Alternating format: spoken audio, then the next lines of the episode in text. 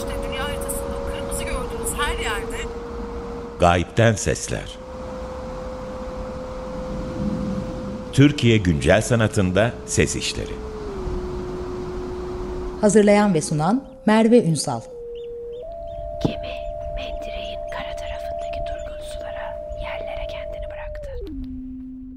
Merhaba, Gayipten Sesler'in 7. programına hoş geldiniz. Ben Merve Ünsal. Bu programı Türkiye'de güncel sanat alanında üretilen ses işlerini duyulur kılmayı amaçlayan geçici bir platform olarak hayal ettik ve her programda bir sanatçıyı konuk ediyoruz. Bugünkü konuğum Borga Kantürk. Borga hoş geldin. Merhabalar, hoş bulduk. Bugün Borga'nın 2018 tarihli kayıp eser işini çıkış noktası olarak kullanarak hem söz, sözün görsel sanatlardaki yeri, sesle olan ilişkisi ve görsel sanatlardaki teşhir mekanizmalarıyla olan e, Borga'nın ilişkisini biraz daha açmaya çalışacağız. Ama ilk önce Borga'dan kısaca pratiğinden bahsetmesini rica edeceğim. Teşekkürler Merve. Merhabalar. Ben aslında böyle üç farklı alanın bir araya geçtiği bir bölgeden bakıyorum sanata.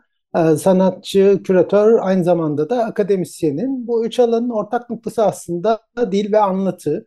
Hem öğretim anlamında bir anlatı var, hem e, sanatsal bir anlatı. Bir de küratöryel pratik içerisinde de e, sergi mekaniği üzerinden bir anlatı işliyor. Ve fark ettim ki son 10-12 yıldır üretimlerimde biraz da kavramsal sanat perspektifinden, kökeninden beslenen bir arşivleme, tasnifleme, düzenleme, e, dil, e, eser ve dil ilişkisi gibi altyapıda dolanan çeşitli kavramlar ve durumlardan söz edebilirim. Çalışma da bu programa konu olan çalışma da bu bağlamda çıkan bir eser aslında. İsmi Kayıp Eser 2018 yılında Nox Sanat Mekanı tarafından bana yapılan bir davet sonucu açıkçası ortaya çıkan ve sadece ilk defa e, sunulması adına oraya üretilen bir eserden söz ediyoruz şu anda. Borgo çok teşekkürler. Nox'un belki sanırım İstanbul'da Nox değil mi? Belki onu da not etmek iyi olur. Onun için İstanbul'da evet. belki bu işi görmüş olanlar olabilir.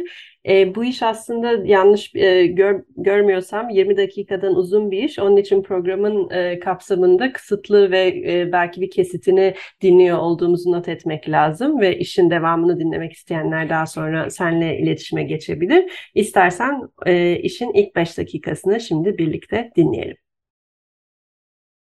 Böyle bir boylarda koli 35 çarpı 35 50 santim gibi bir boyutu vardı. Çok ağır bir koli değildi aslında. Yani böyle iki elinle taşıyabiliyorsun bu koliyi. Yani en son sanırım 2017'de akıbetini kaybettim. Karşı sanattaki bir konuşma için anlaşmıştık ve çalışmaları orada depolayabileceğimizi konuşmuştuk. Ve yani bu 35 35-50 santimlik bir kolide daha önce çalıştığım galeri Galeri Non'un deposunda duruyordu. Maalesef Galeri Non da 2015 yılında e, sanat hayatına son verdi ve birçok çalışmam Galeri Non'un deposunda duruyordu. Galeri Non galeriyi kapadı. Daha sonra depo bir şekilde taşındı. Taşınırken çalışmalar depolardan depolara aktarılıyordu ve yani ilginç bir gün bir anda galerinin yöneticisi arkadaşımız Derya aradı ve çalışmaların burada acil alabilir misin, İstanbul'da mısın, bir yerlere taşıyabilir miyiz gibi bir diyalog geçti ve hatırladığım kadarıyla e, apar topar yakaladığımız alan olarak karşı sanatın deposunu kullanalım dedik ve bir sergi yapacaktık zaten bu çalışmaların bazılarıyla da karşı sanatta. En son kilit noktalardan biri o. 2017 yılına geldik. Bundan bir yıl önce işte Çelenk Bafra'nın küratörlüğünde bir sergi yapılıyordu İstanbul Modern'de. Liman sergisi. Liman sergisi için Kars Sanat'tan deposundan bir, bir iki iş almam gerekiyordu. Ve bu koliyi de aramanın yoluna aradım. Bir şekilde karşıma çıkar mı bu küçük koli diye. Depoya bakındık. Depoda bazı çalışmalarım var. Bazılarını aldım, ayıkladım. Hatta kimisini Merve'ye, kimisini Firdevs'e ilettim. Kimisini Çelenk'e ulaştırabildim. Ama öğrendiğim kadarıyla sanırım bu depodan bazı işlerde e, sanırım galeri sahibinin kendi evine ve veya ofisine bir yerlere ulaştırılmış. Bu noktada tam anlamıyla izini kaybettiğim bir koliyle karşı karşıya oldum. Aslında koli diyorum buna ama böyle bir 2014 13 13 sonlarında 14'e yakın tarihlerde galiba Balat'ta yapılmış Full Art Prize sergisinde tek tek defa sergilenmiş bir çalışmadan söz ediyoruz. Böyle kutu içerisinde 34 tane çerçeveli 15'e 21 çizim yer alıyor. O çizimlere eşlik eden bir tane raf var ve bunların hepsi işte bir şekilde birbirlerine streç filmle bağlanmış. Daha sonra çatır patır naylonla kaplanmış. Bir e, kolinin içerisine sığdırılmış bir şekilde bir yerlerden bir yerlere taşınıyordu. 2013 sonundan itibaren fiziki olarak e, kapladığı alan bu kolyenin içerisindeki sınırlardan ibaret bir alan. Daha öncesinde şöyle bir güzel şans olmuştu aslında. Elimde bu çalışmaya dair tek kalan şey safları sıklaştırmak adlı bir kitapçık çalışması. Öykü Özsoy'la beraber karar vermiştik. Bu çizimlere eşlik eden bir tıpkı basım kitapçık tasarlayıp bunu da sergi esnasında dağıtmak veya sergi sonrasında çeşitli sanatçı kitapları sergileyen veya işte onları biriktiren yerlere dağıtabilmek adına elimde nüsa olarak bu safları sıklaştırmak kitapçığı duruyor ve birçok kişinin aklında kalan kısmıyla da bu, bu kitapçık devrede. İzmir'de yaşıyorum. Genellikle bir problem bu aslında. Yani özellikle İstanbul, Ankara ve yurt dışı yerlerde sergi yaptığımda yani deposuz olmak sanatçıların çoğunun en büyük dertlerinden biri ve yani tek örnek safları sıklaştırmak değil benim için. Birçok çalışma sergilendikten sonra varlığını koliler veya işte güzel kutular içerisinde ya da işte daha prodüksiyonlu sergilerse kasalar içerisinde bir yerden başka bir yere nakledilerek veya işte onun nakledilen yerlerden sanatçının almasının beklenmesiyle geçen bir süreci yaşayıp duruyor. Orga belki bu aslında sohbeti açmak için de iyi bir yer. Tam bu süreçlerden bahsederken bir taraftan da ben bu işi tekrar defalarca ben dinledim ama tekrar birlikte dinlerken senin şu anda radyodaki konuşmamızla aslında bu işin arasındaki o hani konuşuyor olma halinin geçişkenliği de e, çok güzel bir aslında bu işi dinlemek için başka bir belki imkan yaratıyor. Bu işle ilgili olarak aslında 2018'den bugüne de geçen sürede senin için değişen nedir ve bu işi mekanda nasıl sergiledin diye aslında ilk önce sormak istiyorum. Sergileme benim için önemli bir deneyim. Yani bir eseri tamamlamak fikri sergiyle beraber gelişiyor yaptığım çalışmalarda. Ve hatta burada dinlediğiniz kesit de aslında son derece yaşamsal ve bir kişinin ağzından e, dinlediğiniz bir hikayeden ibaret. Knox bana e, sanat eserinin serüveni ve yolculuğu üzerine bir sergi yapmak fikrinden bahsettiğinde aklıma kaybolmuş bir eserimin kayıp olup yolculuğuna devam etmesi veya benim o yolculuktan uzak onun nerede olduğunu bilememem fikri üzerinden bir çalışma üretme ihtiyacıma e, karşılık geldi ve e, akıbetini bilmediğim bir eserin sözünü ettiğim boyutlarda 35'e 35 çarpı 50 santimlik bir karton kutu içerisinde o onun paketleyebilecek bütün materyaller işte bantlar, naylon kaplamalar, havalı naylonlar, işte çeşitli e, gazete kağıtları kırılmasını engelleyecek malzemelerle tamamen eser hariç o eseri sarmaya saklamaya e, yardımcı olacak materyallerin bulunduğu bir koliye adresimi, ismimi, telefon numaramı yazıp içerisine de bu eseri bir eşkal olarak anlattığım bir ses kaydını e, yerleştirdim. Aslında bu çalışma bir enstelasyon çalışması. Tam anlamıyla işitsel bir eser olarak nitelendirmek mümkün değil.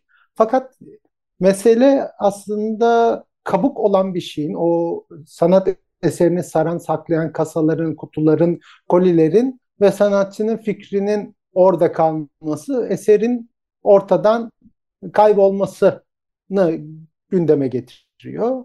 Ve bu kaçınılmaz olarak özellikle sanatın çok sirkülasyonlu işte nakliyesi ve işte birçok yere ulaşıp ulaşamamasıyla e, da ilişkili insanlar hayatlarından birçok şeyi kaybedebiliyorlar. Yani ürettiği sanat eserleri de ya da sanat çalışmaları da böyle arada kaybolabiliyor ve eğer siz bir bağımsız sanatçı olarak çalışıyorsanız veya işte sizin böyle eserlerinizi depolayan veya her hepsinin arşivini tutan çeşitli yapılar yoksa bu akibet daha belirsiz bir hale ilerliyor. Bu şeye uzaktan baktığımda aslında tekrar söyleyebileceğim şey e, çalışmanın geride kalan işte bir sanatçı kitabı olarak hayatını sürdürmesi oluyor. E, Borga aslında bu benim üzerine tabii ki çok daha uzun da sohbet edebileceğimiz birkaç şeyden e, bahsettim. Bir aslında benim aklıma gelen şeylerden biri bu sözlü tarih çalışması olarak da bu işin işliyor olması ve aslında Türkiye'deki, İstanbul'daki ya da genel olarak sanat ekosistemindeki belli bir ana tekabül eden bir şeyin de kaydını tutuyorsun. E, bu yüzden de aslında sana şunu sormak istedim. Sen zaten her zaman kavramsal sanat ya da sözle çalışan bir sanatçısın ve söz ve imgelem arasında hep kurduğun bir ilişki var ve bunun bir sanatçı kitabı olarak şu anda hayatını ya da daha farklı bir şekilde hayatını devam etmesi söz konusu. Bu iş senin için şu anda bu sözlü anlatısıyla ve bu kaydıyla birlikte tamamlandı mı yoksa bu eşkali aramak ya da bu işi aramaya devam eden sürecin sadece çıktılarından bir tanesi mi? Yani çıktılardan bir tanesi diyebilirim çünkü eser kayıp eser çalışmanın adı. Yani e, eser kavramı da burada aslında bilinçli olarak çalışmanın işinin adı olarak konuldu. Çünkü eserler önemli e, nesnelerdir ve kaybolmaması gereklidir fikrini çağrıştırırlar. Hatta kayıp eserler müzeleri ve kayıp eserler müzeleri hakkında kitaplar, envanterler, çalışmalar da yürütülmekte. Ama ben burada bu işin sürecine dair, hikayesine dair bir söylence bırakmak istedim geriye. Ve o söylence belki de işte benim depolamayla ilgili veya malzemeyi biriktirip elimde tutabilme becerimle ilgili kendi çatışmamdan besleniyor aslında. Çünkü çok toparlamayı, çok biriktirmeyi seven ve bunun üzerine bir pratik inşa etmeye çalışan bir sanatçı rolü üstleniyorum. Buna e, kendimi adıyorum ama e, biliyorum ki aslında o kadar nesneyi, o kadar öğeyi, o kadar bilgiyi, basılı materyali ne depolayabilecek ne de yaşamın sonuna kadar bir araya getirip birlikte tutabilecek bir mekan veya mekanlar grubuna sahip değil. Burada senin depoyu kullanmana da geri dönmek istiyorum aslında. Çünkü belki de sanatçılar olarak aslında hepimizin çok üzerine düşündüğü bu işlerin yatağımın altında mı saklayacağım, nerede saklayacağım ve aslında depolama ne kadar kaynağa sahip olunsa ya da ne kadar sanatçılar dolaşımda olsa bile bence o her zaman nesnenin teşhirden sonra bize kalması ya da bir şekilde hayatına devam etmek zorunda olması ama o aradaki boşluk bir taraftan hani o koli bantlarından bahsettiğin kolilerden bahsettiğin bahsettin. Sanırım e, kendi adıma en azından konuşabilirim. O malzemelerin e, sadece onlardan bahsedilmesi bile benim tüylerimi diken diken ediyor. Çünkü onlarla boğuşmaya sürekli devam ediyoruz sanatçılar olarak. E, burada aslında o depolama e, sesli olarak aktarma arasındaki ilişkiyi biraz daha kurcalamak istiyorum. Çünkü aslında bu ses işi bir şekilde bahsettiğin gibi bir yerleştirmenin parçası ve belki de tek başına sadece ses olarak bugün şimdi dolaşıma giriyor ama onun dışında çok çok belki bir mekana sadece ses olarak başka şekillerde girmiyor. Söz sözü ses olarak kaydetmekle sanatçı kitabı olarak kaydetmek arasındaki farktan da biraz bahsedebilir misin ya da bu şekilde depolamak senin için ne ifade ediyor? Yani aslında bu şekilde depolamaktan ziyade biraz dönemle de ilişkili buluyorum bu tartışmayı. Yani eskiden daha nesnel bir dünyadan ortaya çıkan bir diyalog söz konusuydu. Yani işte bundan 20 yıl önce işte kaset, CD, DVD gibi materyaller vardı. Kitaplar ya da işte basılı ders notları gibi şeyler elimize aldığımız, dokunduğumuz, temas ettiğimiz varlıklar, malzemeler, materyallerdi bunlar. Ama şimdi her sesin özellikle müzik alanında veya podcast gibi konuşma ya da bir dijital yayın ya da işte dijitalleştirilmiş bir film söz konusu olduğunda inanılmaz bir akış var ve bu akış e, aslında bir içeriğe dönüşüyor. Bir eserden ya da bir nesneden çok bir içeriğe yöneliyor. Bu içerik içerisinde o kadar fazla ses var ki bu seslerin tutunması, bir yere sabitlenmesi veya e, nefes alıp hayatını sürdürmesi gerçekten e, zorlaşabiliyor. Buradaki meselenin ilginç tarafı benim için bir mekansal bir sergide, Nox'ta yapılan bir sergide mekansal bir içeriğin, e, malzemelerin olduğu, nesnelerin, sanat nesnelerinin olduğu bir içeriğin içerisine yerleştirilmiş fiziki bir kutu ve o kutunun içerisinden çıkan bir ses. Ses olmayan işin sanatçısı tarafından kutu içerisine hapsedilmiş bir mırıldanması gibi aslında. Yani gene mekansal işe dönüyorum. Biraz nostaljik gelebilir bakış açım. Yani hala plak toplayan, arada sırada kaset alan veya işte kitabı ya da dergiyi dijital olarak değil de fiziki olarak tüketmeye e, yaklaşan birisi olarak sesin nesneyle olan ilişkisini biraz e, deneyimletmek ya da tekrar hatırlamak istiyorum gibi. O yüzden sanatçı kitabı meselesi de ilgi çekici geliyor veya e, sesin kaydının e, bir materyale e, dönüştürülebilmesi, bir mesela kimi sanatçıların eserlerini plak kayıtları olarak üretmeleri ya da ses mantlarına tekrar geri dönüş yapmaları ya da işte çeşitli dijital dataların, verilerin işte kitap veya işte basılı malzeme materyale dönüştürülmesi gibi tartışmalar söz konusu. Bütün bu söylediklerin aslında beni belki de programı yavaş yavaş kapatmaya yaklaşırken e, sana sormak istediğim daha önce çünkü sen ve ben de birlikte bir birlikte diyalog olarak ses kaydını kullandığımız bir işi de ürettik. Performatif işlerimiz de oldu. Hem birlikte hem ayrı ayrı. Sesin bundan sonra senin işlerinde kullanmaya devam edeceğin ya da merak ettiğin unsurları nedir diye sormak istiyorum. Biraz belgeselci bir nitelik var seste. Yani anlatan yani sanatçı eseriyle anlatır veya işte bıraktığı, yazdığı, söylediği şeyle derdini anlatır ama burada mesela belgeselci dil dediğim şey aslında işin mutfağı sürecini de anlatarak bir e, veri ortaya çıkarmak. Yani aslında e, buna tümleşik yapıt deniliyor. Yani başı sonu olmayan aslında bütün hayata yayılan bir şeyi arada işte backstage'ini, mutfağını, arada sonrasına dair endişelerini de dahil edebildiğin bir diyalog olarak devreye sokmak adına bence ses güzel bir metot.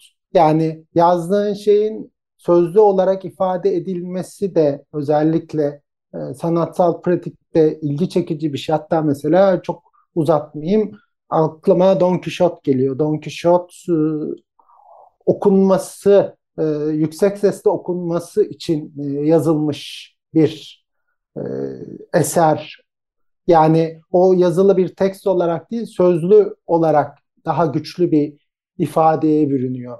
Yani sözün de böyle anlatımcı ve kimi zaman ikna edici ya da işte daha kuramsal belgelerdeki, bürokratik belgelerdeki içerikten daha akıcı, daha dilsel, daha belki sakinleştirici, belki e, bağırarak ya da belki daha güçlü bir ifadeyle aslında insanın e, mental refleksini, duygusunu, durumunu daha rahat aktarabileceği bir akış olarak ortaya çıkıyor. Bu, bu da önemli bir unsur. Kesinlikle ve ben aslında bu özellikle de e, senin benim pratiğim olmuş olan tesirin ve de birlikte belki birazcık da o e, sesle de çalışırken o Don Quixote hissi aynı zamanda Sancho Panza hissinin de e, hep birlikte olmasıyla belki bugünkü programı kapatmak e, güzel olur. Borga çok teşekkürler bugün konuğumuz olduğun için. Teşekkür ederim ben. Böylece Gayipten Sesler'in 7. programını kapatıyoruz. İki hafta sonra görüşmek üzere.